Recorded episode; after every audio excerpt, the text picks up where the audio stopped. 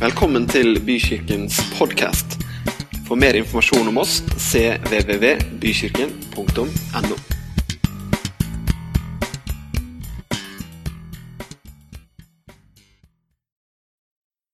Tusen takk for varm velkomst. Og det er helt riktig, det. Vi føler oss veldig hjemme her, altså. Forrige gang òg så bare ble vi møtt av den varmen og godheten da vi kom inn døra. Akkurat det samme i dag. Herlige folk, herlige mennesker. Vi er jo så heldige som kan samles her og prise Jesus. Eh, det er så godt å kjenne han. Vi er så heldige som kjenner han. Hvis ikke du kjenner han, kan du bli kjent med han i dag. Men midt i en urolig verden der alt endrer seg, så fins det noe som står fast, sånn som vi sang. Det er Jesus. I går og i dag den samme. Ja til evig tid. Vi er heldige som kjenner han. Ehm, jeg har noe på hjertet, og det er at eh, Jesus elsker dere så høyt. Dere er høyt aktet og elsket av Gud. Herren din Gud er hos deg, en helt som har makt til å frelse. Han gleder og fryder seg over deg og vil gi deg på ny sin kjærlighet. La aldri noen få innbille deg noe annet. Du er helt spesiell. Du er så verdifull. Du er helt perfekt i Guds øyne. Og han kan bruke deg. Guds kjærlighet bor i oss som tror. Og der vi er, der er Guds kjærlighet. Og eh, han kan bruke deg akkurat der du er akkurat på den måten du er. Når du er på T-banen, når du er på treningssenter, når du er i skogen, når du er i nabolaget, når du henter posten, er med søpla, treffer noen naboer over hekken, når du er på studier, jobben, foreldremøter Uansett hvor du er, så bor Guds kjærlighet i deg, og den påvirker de menneskene som du er i kontakt med. Og det er så fantastisk. Så jeg ønsker virkelig å inspirere dere til å bli brukt av Gud i hverdagen. Ikke på en måte med press og prestasjon, men på en ekte, naturlig, avslappa måte. Akkurat der hvor dere er. Jeg har prøvd begge deler. Både å leve i prestasjon og å leve naturlig og ekte og avslappa. Og det er ikke tvil om hva som er best. Så det er det jeg ønsker å inspirere litt rundt. da. Men aller først så leser vi fra Matteus 28. kapittel og vers 5. Maria og Maria Magdalena er på vei til graven. Og der er det en engel som sier, Vær ikke redde, for jeg vet at dere ser etter Jesus, han som døde på et kors. Men han er ikke her. Han har stått opp, akkurat som han sa han kom til å gjøre. Jeg syns det er så fantastisk. Han er jo ikke i graven. Han har jo stått opp, akkurat sånn som han sa. Og så står det videre Jeg, meg er gitt all makt i himmel og på jord. Gå derfor ut og gjør alle folkeslag til mine disipler. Han har all makt. Han har all kraften, og det er derfor vi skal gå ut. Og helt på slutten så sier Jesus, 'Jeg er med dere alle dager, helt til verdens ende'. Og i hverdagsbibelen så står det så fint Glem aldri. Jeg er med dere alle dager. Han som vet hvor mange hår du har på hodet. Han som sier 'Kom til meg, alle dere som strever og bærer tunge byrder'. Han som har orden på alle planeter og alt som er. Han sier 'Ikke glem, da, at jeg er med dere'. Det er jo helt fantastisk. Graven er tom. Jesus lever. Han bor i oss. Han kan bruke deg. Og i tillegg så sier han, ikke glem at jeg er med deg. Himmelens og jordens skaper bor i oss og er med oss alle dager inntil verdens ende. Mamma og pappa de fortalte meg om Jesus da jeg var liten. Og én ting var at de fortalte, men det jeg sitter igjen med som voksen, det er hvordan de levde. Og jeg husker så godt hvordan de hadde med venner hjem. Og når deres venner hadde problemer, så kom de rundt middagsbordet. De var med i selskap. Mamma tok fram gitaren, spilte sang, de ba, de lo, de gråt. Men det jeg så som en ganske liten jente, var at Jesus, han hjalp dem. Så det at Jesus lever og ønsker å hjelpe mennesker, og at han faktisk gjør det, Det har jeg aldri vært i tvil om. Og jeg husker at jeg var ganske liten da jeg bestemte meg for at eh, jeg vil fortelle om Jesus til alle jeg treffer. I ungdomstiden så var det litt, eh, tok det litt av. Det var evangelisering mandag, onsdag, fredag fra fem til sju. Og du kunne gjerne være igjen til ni. Og jeg hadde jo en oppriktig brann. Jeg, hadde jo, jeg ville jo fortelle. Så det var ekte, og det var oppriktig. Men eh, det var jo litt mye da, med tre dager i uka. Og jeg turte ikke å si at det, på fredag har jeg lyst til å være hjemme og se på TV og spise pizza. Jeg turte ikke å si at du, onsdag til uka, da må jeg slappe av litt. Fordi at jeg opplevde at det ble en konflikt mellom den indre, oppriktige brannen og det å møte opp og prestere. Så jeg var jo med på alt som var, og det blei veldig slitsomt. Og eh, da kom det til et punkt hvor jeg tenkte at dette går ikke. Dette orker jeg ikke. Så da sier jeg til Jesus dette orker ikke jeg. Hva skal jeg gjøre? Og da fikk jeg bønnesvar. Jeg hørte ikke noe stemme, jeg så ikke noe skrift. Men Den hellige ånd, talsmannen, han bor i oss, og han snakker. Og han sa, du skal se og elske mennesker. Se og elske. Er det ikke det jeg har gjort hele tiden, da?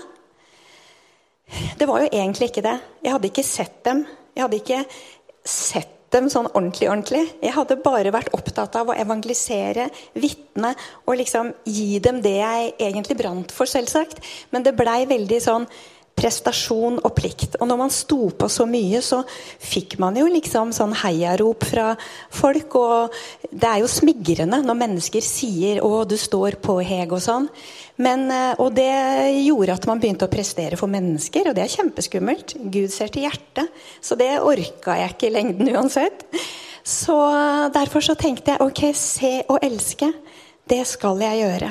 Og fra den dagen så blei det så deilig å være en kristen. Da var det så avslappende. Da trengte jeg ikke å forberede meg. Det jeg var redd for, var at jeg plutselig skulle få en mikrofon opp i ansiktet og måtte si noe. Og jeg liksom, det, sånn, det, ja, det, var så deilig når jeg bare kunne hvile det, at jeg bare skulle se og elske mennesker. Det var som et før og nå, og det er akkurat dette her jeg ønsker å inspirere dere til. For det skal ikke være slitsomt. Det skal ikke være en plikt. Det skal ikke være sånn at det er et møte i rekken av møter, det å vitne. Nå tenker jeg ikke lenger på at jeg vitner eller evangeliserer. Jeg bare er der jeg er, jeg. Og så legger eh, Gud gjerninger ferdig som vi bare skal vandre i. Og det er hans kraft. Meg er gitt all makt i himmel og på jord. Det er derfor vi skal gå ut. Jeg gikk altfor mye i egen kraft. Det er han som har all makt, det er han som skal ha all ære. Vi skal bare vandre, leve der vi er. Og så bor Guds kjærlighet i oss, og så virker den kjærligheten på de menneskene som vi er i kontakt med.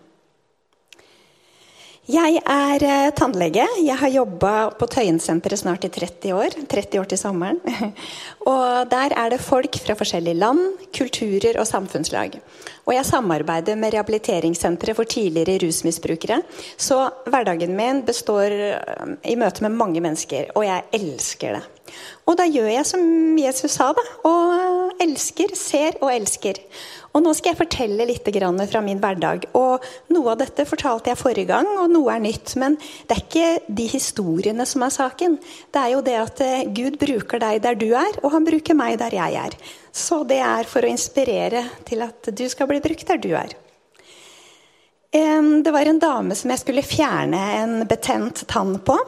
Og da hun kom inn døra, så eh, så jeg at det var ikke bare den tanna som plaga henne.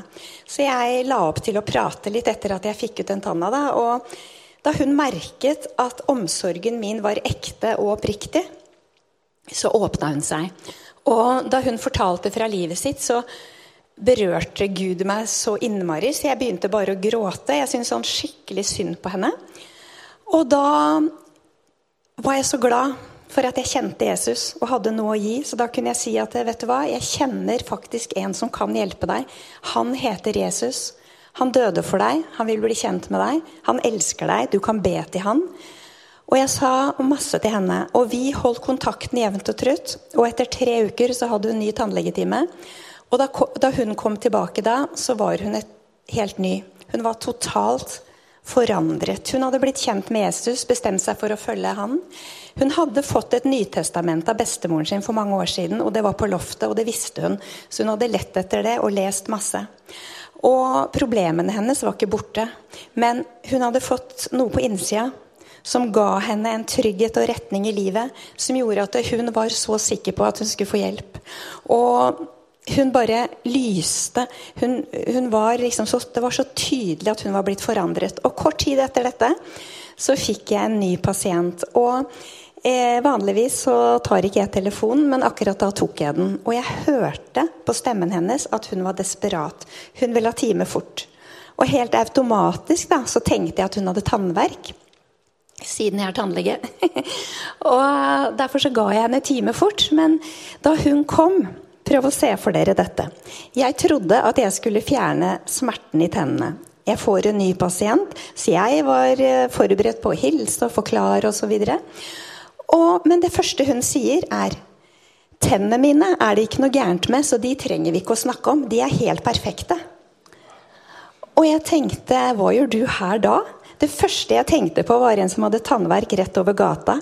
Så jeg tenkte, da vil jeg jo mye heller hjelpe han. Men så sier hun, 'Men jeg kjenner hun som akkurat har vært her og har blitt helt forandret.' 'Jeg kjenner henne. Hun er, bor i nabolaget mitt. Jeg vet at hun har hatt problemer i mange år.' 'Hun har spart penger i mange år, vært i utlandet for å få hjelp.' 'Har ikke hjulpet noen ting.' Så kommer hun hit i Tøyen, og så sier du et eller annet, så får hun det bra. Jeg vil høre det samme som du fortalte henne. Så setter hun seg ned i tannlegestolen, tar opp sekken, iPaden, ser på meg, ser meg inn i øynene og sier sånn, fortell meg akkurat det samme som du fortalte henne. Og da kunne jeg si det finnes en som heter Jesus. Han døde for deg. Han tok på seg alle dine synder, alle dine sykdommer, for at du skal ha det godt. Han elsker deg, du kan bli kjent med han, du kan be til han. Og jeg bare sa masse. Og da jeg var ferdig, så lukka hun igjen skjermen, spurte om hun skulle betale. Jeg sa nei, og hun gikk. Og det var en fantastisk opplevelse. Det i seg selv var jo kjempefint, men jeg opplevde dette som at Jesus sa til meg Der ser du, Hege. Du trenger ikke å slite deg ut og gå i egen kraft. Du trenger ikke å prestere. Du trenger ikke å imponere. Slapp av. Gå i min kraft, som aldri tar slutt. Jeg skal legge gjerningene ferdig for deg. Du skal bare vandre i dem. Det var en fantastisk opplevelse for meg som gjorde at jeg lettere bare kunne slappe av og hvile. Trengte ikke å møte opp mandag, onsdag, fredag. Trenger ikke å forberede meg i tilfelle jeg får en mikrofon i ansiktet. Jeg bare er der jeg er, elsker mennesker, og ting legger seg til rette. Og det var, det var bare så sterk opplevelse. Og jeg, Dette er litt over tre år siden dette skjedde. da, Og jeg har ofte tenkt på hvordan går det med henne? Og nå i juni, rett før sommerferien, så kommer hun innom meg på jobben. Så sier hun det at 'Hei, Hege, jeg måtte bare stikke innom deg.' 'Du skjønner, jeg flytta til Bryne ved Stavanger.' 'Men jeg vil bare si det, at jeg er blitt en kristen.' Og det var jo stort. Så da har hun tatt imot Jesus. Hun hadde dårlig tid, kommer tilbake før jul, så vi skal prates litt mer da, og det gleder jeg meg så fælt til. Eh, vi trengte bedøvelse på jobben min. Og så bare løper jeg bort på apoteket for å hente litt bedøvelse. Og på veien smiler jeg til en dame som står utafor Nille. Jeg tenker ikke noe over det. Løper tilbake på jobben og fortsetter å kose meg. Og så tar det ikke lang tid før sekretæren sier at det, det er en dame som vil prate med deg. Jeg går ut på venterommet. Der står det en dame som sier Du kjenner ikke meg, jeg kjenner ikke deg. Men du løp forbi meg på senteret i stad, og du smilte til meg. Og det smilet redda meg. Og jeg blei så rørt. Og vi hadde ikke så god tid til å prate da, men vi avtalte å møte senere, og da forteller hun hva som hadde skjedd. Hun hadde vært og handla på Nille, fått en forferdelig beskjed på telefon.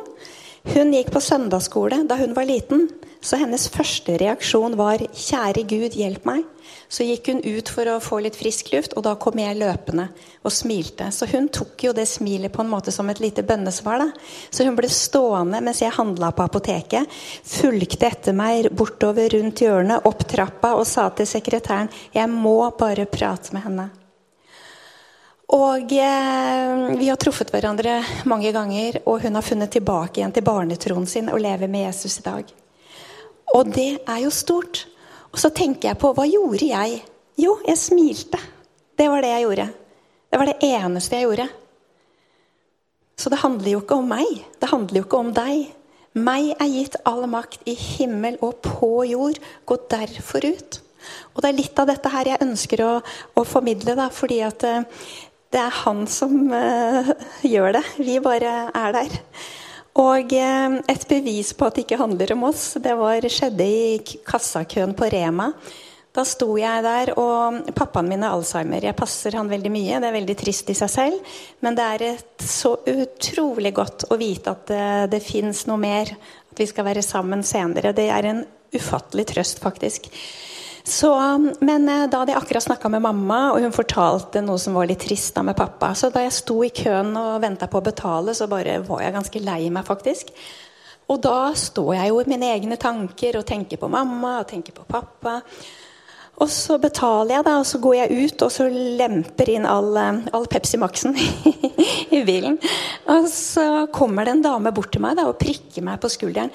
Du, du, du, hva er det med deg? Det er bare sånn derre fred rundt hele deg. Er du religiøs, eller? Og så Vi fikk jo en kjempefin prat, og da bare tenkte jeg at det, Guds kjærlighet bor i oss. Jeg sto der i mine tanker, jeg tenkte ikke på noe annet.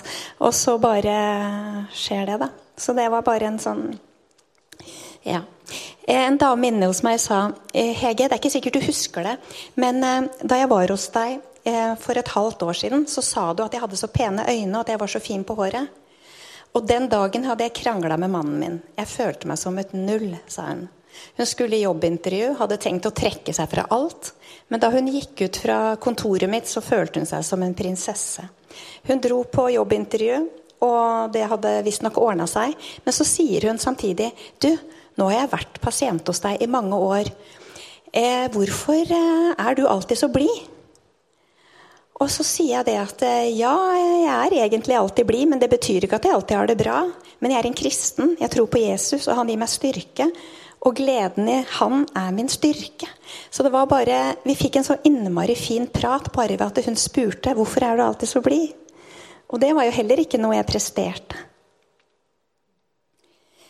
Det var en eh, ung dame i 30-årene som kom inn til meg på kontoret. Hun var ny pasient, og hun gikk og så litt ned sånn. Og det var så vidt hun liksom turte å se opp. Og det var veldig lett å se at hun hadde lite selvtillit. Og hun satte seg ned, og så sier hun du, jeg gruer meg litt til å gape opp, fordi jeg føler så skam for tennene mine. Nei, nei, nei, det trenger du ikke. Det går bra, sier jeg. Så gaper hun opp, og så er det de fineste tennene dere kan tenke dere. Og da merka jeg litt sånn inni meg da, at eh, hvem er det som har innbilt henne at hun ikke er noe? At hun ikke betyr noe? Og jeg bare helt automatisk så bare gikk jeg og henta et speil. Så sa jeg 'hold det speilet her'. Se inn i speilet.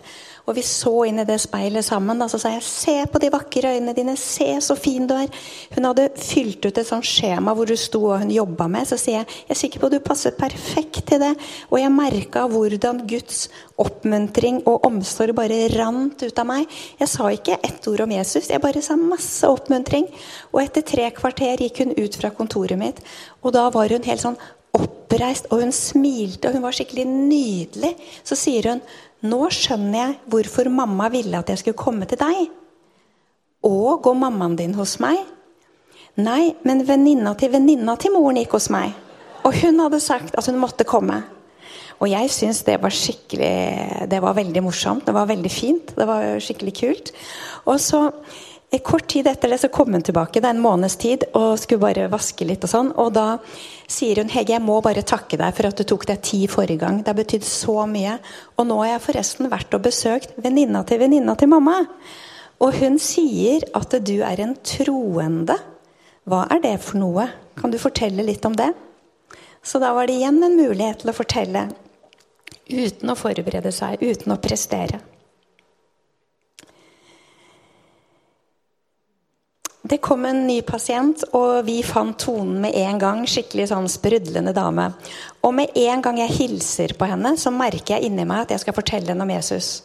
Det hadde jeg ikke lyst til. Jeg fikk skikkelig flashback til gamle dager, hvor det var det første jeg gjorde hver gang jeg traff noen. Så det var sånn hadde ikke lyst, det er helt merkelig å si det. Men eh, i hvert fall så prøvde jeg å skyve den tanken litt vekk. Jeg stelte tennene hennes, hun hadde mange hull, så jeg tenkte at da må hun jo komme tilbake. Da kan jeg heller fortelle neste gang. Og vi eh, ja, som sagt, hadde det veldig fint. Da jeg var ferdig med henne, så betalte hun, fikk ny time om 14 dager. Og det eneste som gjensto da, var å si ha det. Men da fikk jeg sånn hjerteklapp, da. Og da tenkte jeg at ok, da får jeg fortelle. Og da sier jeg det at eh, veldig hyggelig å hilse på deg. Eh, nå håper ikke jeg Og vi ses jo om to uker, men nå håper jeg ikke at du eh, føler at jeg er påtrengende. Men jeg vil veldig gjerne fortelle deg at jeg er en kristen. Jeg tror på Jesus. Og jeg vet at han kommer til å passe på deg. Det var det som datt ut av meg. Og noen ganger så, når jeg opplever noe tilsvarende, så vet jeg ikke alltid hva jeg skal si. Men med en gang jeg bestemmer meg for å gjøre det, så bare kommer det. Så det, ja. Og da var det det jeg sa, da. Og hun ble liksom blank i øynene. Hun sa ingenting, og så gikk hun. Og jeg var jo litt spent da, etter to uker eh, hvordan hun var, og om hun ville kommentere det eller noe sånt. Nå. Hun kom tilbake, og da ser jeg at hun var gul og blå i ansiktet. Og da var det veldig lett for meg å spørre hva har skjedd. Og da forteller hun at samme dag hun var hos meg, to uker tidligere, så hadde hun kommet hjem til kjæresten sin, som ikke lenger er hennes kjæreste nå. Og så hadde hun blitt skikkelig banka opp. Og da var det én setning som surra i hennes hode hele tiden. Og det var 'Jesus kommer til å passe på deg'. Jesus kommer til å passe på deg. Og jeg syns det var veldig sterkt, da. Fordi at hun sa det at eh, den setningen ble som et sånt teppe da, mellom henne og slagene. Så det beskytta henne. For Guds ord er levende og virkekraftig. Og det beskytter, og det trøster, og det oppmuntrer. Så jeg har hørt andre si noe tilsvarende. At når man har det tøft, når man er i vonde, forferdelige situasjoner, så kommer Guds ord opp. For det er lever. Det er levende. Det virker. Og eh, vi er heldige som har mulighet til å lese Guds ord og gi Guds ord videre. Så da denne episoden gjorde at jeg bestemte meg for å aldri mer nøle da, når jeg merker at jeg skal si noe. Jeg låste meg inn på jobben. Jeg begynner grytidlig på jobben. Og det var mørkt, og jeg hørte noe sånn rasling i buskene bak meg. Jeg trodde det var en hund, men ut av buskene kom det et par. Og hun gjorde sånn her og strakk hånda mot meg, så jeg tenkte er det en beskjed? Og da hun kom nærmere, så så jeg at det var en krøllete hundrelapp og krøllete femtilapp. Og da skjønte jeg jo det at de ville ha hjelp. Men da de sto såpass nære meg, så merka jeg at det lukta veldig vondt. Og det første jeg tenkte, var at jeg har jo stappfullt, jeg kan jo ikke hjelpe dere. Og hva vil de andre si når jeg tar med de opp med, siden det lukta så fælt? da? Eh, men så treffer jeg blikket hennes.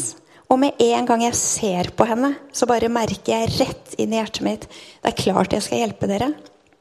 Så sier jeg 'kom tilbake etter jobben', og så kom dem. Og da hjalp jeg dem skikkelig.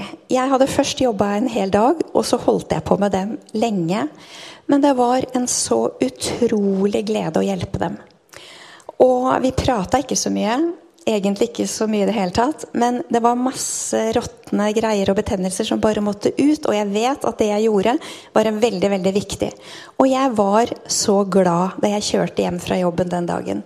Jeg var ikke sliten, og det bare kribla og bobla inni meg av en sånn veldig spesiell glede. Det var en sånn glede å hjelpe dem. Og det finnes jo ting som ikke kan måles i kroner og ører, og det var en sånn skikkelig glede. Og noen uker etterpå så lå det noe post til meg på jobben, og så er det en konvolutt hvor det er liksom sånn Akkurat som en skjelven hånd har skrevet. Og da åpner jeg den først, for jeg blei så nysgjerrig, og der står det Kjære Hege. Nå vet jeg at det finnes engler. Takk for at du hjalp barnebarnet mitt. Og så sto det et navn nederst som jeg kjente igjen. For hun hadde vært pasient hos meg for mange år siden. Og så ringer jeg henne på slutten av dagen, og det var så utrolig rørende samtale. Da forteller hun at da hun var hos meg for over 20 år siden, så merka hun Guds kjærlighet. Og hun hadde bedt og bedt om at barnebarnet skulle merke Guds kjærlighet. Og det var jo barnebarnet jeg hjalp, da. Og jeg er helt sikker på at de merka Guds kjærlighet. Og det var en veldig fin opplevelse. Og eh, det gjør at jeg ofte oppmuntrer eldre mennesker med dette her. For det, er mange eldre som sitter hjemme og ber, og noen ganger tenker de liksom Kan Gud bruke meg? Ja, vet du hva? Deres bønner er verdifulle. Det å be, det utretter mirakler. Så da kunne Guds kjærlighet påvirke det barnebarnet. Og jeg tenker at noen sår, noen vanner og noen høster, og alt er like viktig. Og så har jeg bedt for dem om at Gud skal sende andre mennesker i deres vei for å hjelpe dem på andre måter. For Guds kjærlighet bor jo i oss som tror. Så det er jo ikke noe vanskelig for Han å sende andre mennesker i deres vei. Han som har skapt himmel og jord. Det er klart at han sørger for dem.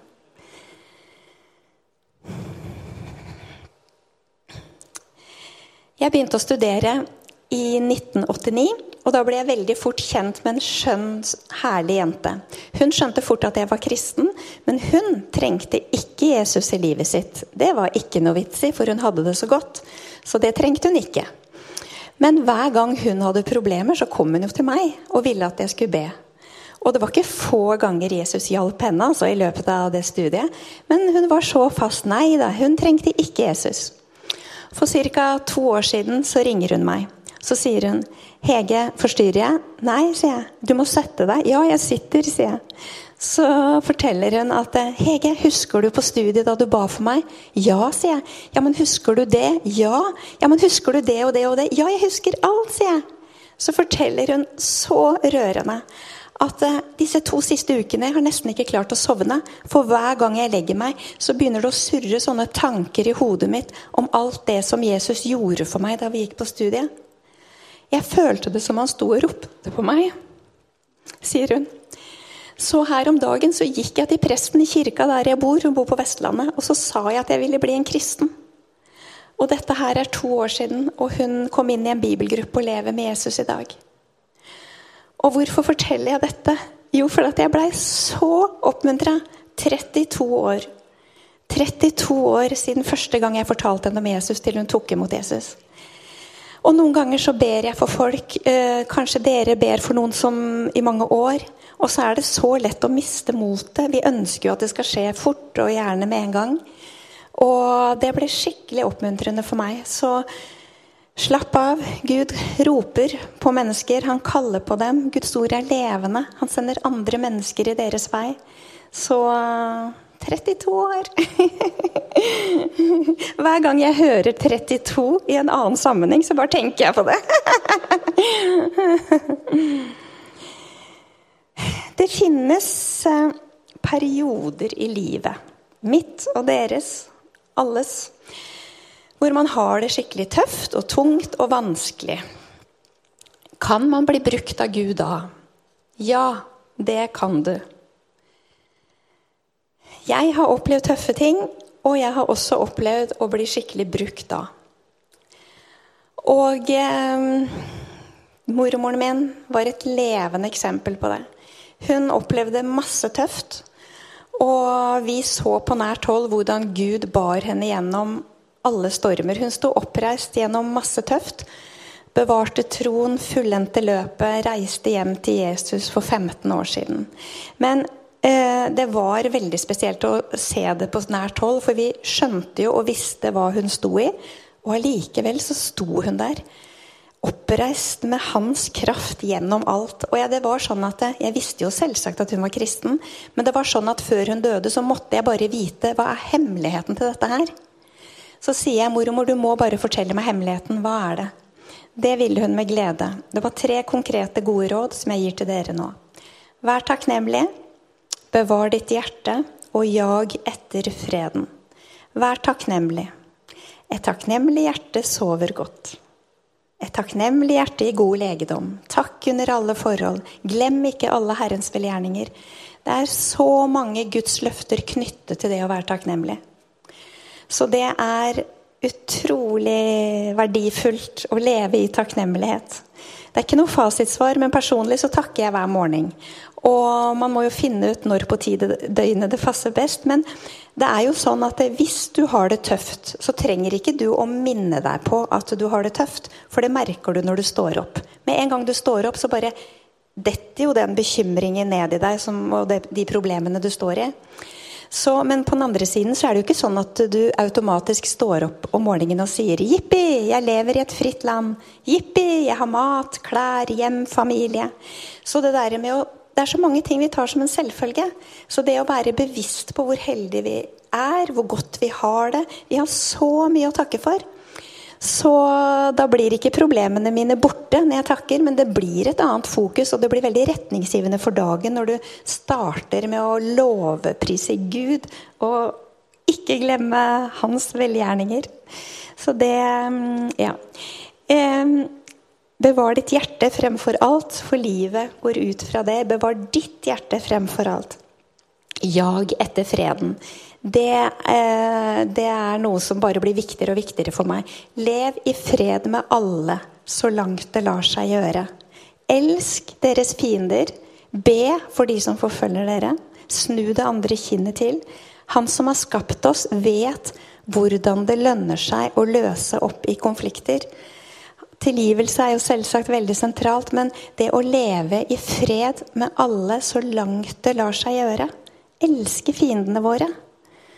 Vi må følge Guds oppskrift. Han vet hva som fungerer, han som har skapt oss. Så disse tre rådene fra mormoren min, sammen med det å se og elske, det har betydd alt for meg. Og når jeg snakker med mennesker, så får jeg veldig ofte tilbakemelding på akkurat dette her. At åh, jeg er så glad for at jeg kan bli brukt selv om jeg er sykemeldt. Og jeg er så glad for at jeg kan bli brukt selv om jeg er litt deprimert for tiden. Og jeg er så glad for at Gud kan bruke meg selv om jeg er syk. Jeg er så glad for at Gud kan bruke meg selv om jeg ikke tør å stå på en plattform. Jeg er så glad for at Gud kan bruke meg selv om jeg nesten ikke tør å snakke høyt blant folk. Jeg er så glad for at jeg er viktig selv om jeg krangla med sjefen.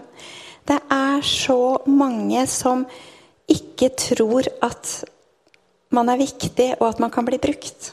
Det er fordi det er så lett å tenke at vi ikke får det til. Jeg fikk det ikke til, jeg heller. Jeg ble helt utslitt. Ingen får det til i egen kraft. Men det handler jo ikke om oss. Han har all makt i himmel og på jord. Det er jo derfor vi skal gå ut. Og eh, da da blir det så enkelt, og da blir det så fint. Og det der med å sammenligne seg, det er noe som jeg har tenkt veldig mye på. For det er så lett å sammenligne seg. Og det var en som sa det så fint. At eh, vi ikke skal sammenligne oss med hverandre, men vi skal sammen ligne på Han. Og jeg syns det var så bra sagt, for at eh, du er sånn, og du er sånn, og du er der, og du er der. Men sammen så ligner vi på Han som er himmelens og jordens skaper. Jesus som vi elsker og vil leve for. Han som sto opp og tok på seg alt for vår del. Det er han vi skal ligne på, og sammen skal vi ligne på ham. Det var en eh, fortvilet dame som tok kontakt med meg og sa at jeg må bare prate med deg, Hege. Jeg traff henne. Hun sier mannen min i 50-årene har fått beskjed om at han har kort tid igjen å leve.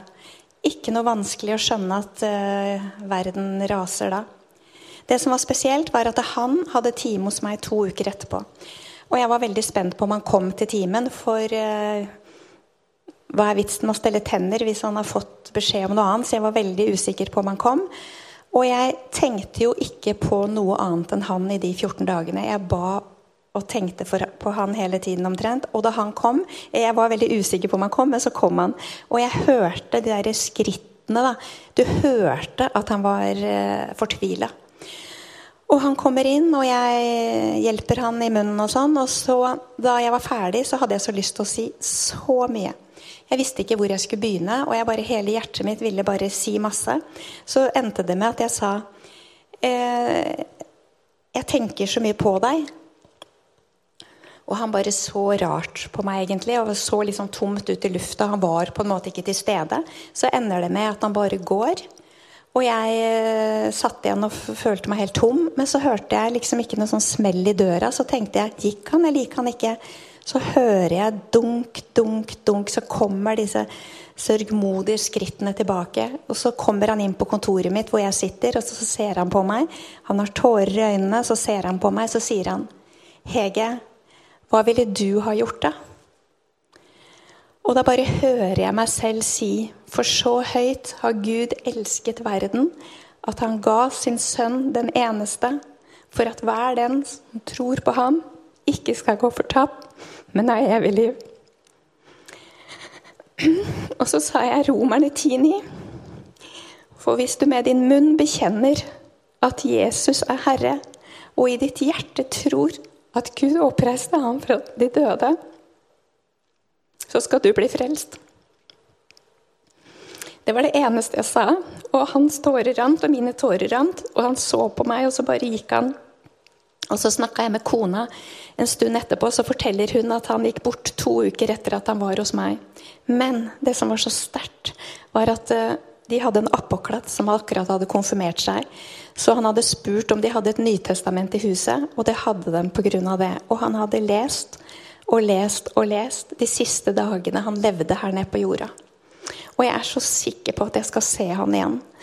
Og da jeg prata med kona, så avtalte vi å møtes, men så har liksom bare tida gått. Men nå, for halvannen uke siden, så traff jeg henne. Og da spiste vi sammen og skravla litt, og sånn, og så tar det ikke lang tid før hun kommer inn på dette her. Da, så sier hun Hva var det du egentlig sa til mannen min? Og så tok jeg og sa de to bibelversene. Da, Johannes 3, 16 og Romerne 10,9. Og hun ble veldig sånn blank i øynene. Så forteller hun at etter at han begynte å lese, så ble han så forandret. Fordi han hadde vært så sint, og han hadde vært så fortvila. Og han syntes det var så urettferdig at han skulle dø. Han hadde vært så amper og fortvila. Han hadde ikke hatt ro til å sitte. Han hadde bare gått og gått og vært veldig sånn sint. Så forteller hun at etter at han begynte å lese, så ble han så rolig. Og så sier hun Så sier hun det virker som han hadde fått masse fred. Og det syns jeg var så sterkt. For det å få fred i hjertet før du forlater denne jorda, det er jo det det handler om. Så det var veldig stort. Og så sier hun det at det er det forresten andre steder du anbefaler meg å lese sier hun. Og så Hun kommer jo til å lese masse. Så snakka jeg om Johannes og ga henne råd og tips. Det var bare så fantastisk, for Guds ord virker jo. Det legger seg til rette der vi er. Det var så stort, altså. Nå går jeg mot slutten. Det var en pasient som kom til meg og hun har, eh, er iransk, har vært pasient hos meg i mange år. Og hun har blitt kjent med Jesus, tror på han og ber til han. Men hun har, eh, er et stort forbilde for meg. Og grunnen til at hun er et stort forbilde, er at hun gir seg aldri, står opp for familien sin og gir seg ikke, står i masse, mange utfordrende ting. Men hun står alltid på. Hun har barn, fire barn, og alle har en form for utfordring. Så hun er tøff, og jeg ser virkelig opp til henne. Og eh, Det var en stund siden hun hadde vært hos meg, så jeg gleda meg skikkelig til hun skulle komme. Og i og med at hun alltid har med barna sine, så hadde jeg gjort i stand på kontoret mitt med litt uh, tegnesaker og sånn. Og så åpner jeg døra, og da kommer de eldste bare løpende inn. Og det er sånn det skal være å komme til tannlegen. Og så kommer ikke hun. Og så er jeg så vant til at hun er sånn liten og lett. Og liksom sånn. Og så bare titter jeg ut på venterommet, og da var det et hjerteskjærende syn som møtte meg. Fordi hun eh, bokstavelig talt dro høyre del av kroppen etter seg, sånn som dette her. Hun dro halve del av seg selv etter seg. Og så hadde hun den minste jenta på armen, og hun brukte en evighet på å bare komme inn på mitt kontor. Og jeg bare Hva har skjedd? Så forteller hun at siste, de siste seks månedene, altså et halvt år, så har hun hatt smerter og lammelser i halve kroppen. Og de har ikke funnet ut av hva det var, så derfor så kunne de heller ikke gjøre noe. Det var så vondt å se hvordan hun dro den kroppen inn på mitt kontor.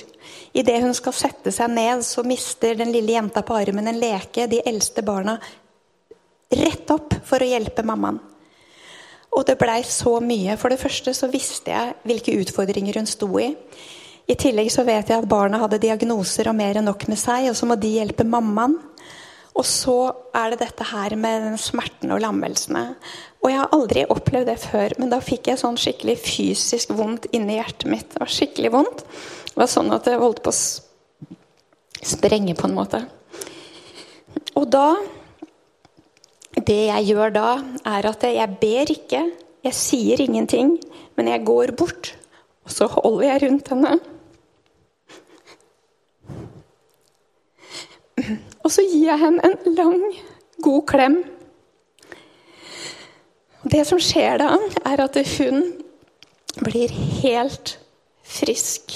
Hun begynner å løfte armene sakte. Den som hadde vært helt som hang og slang.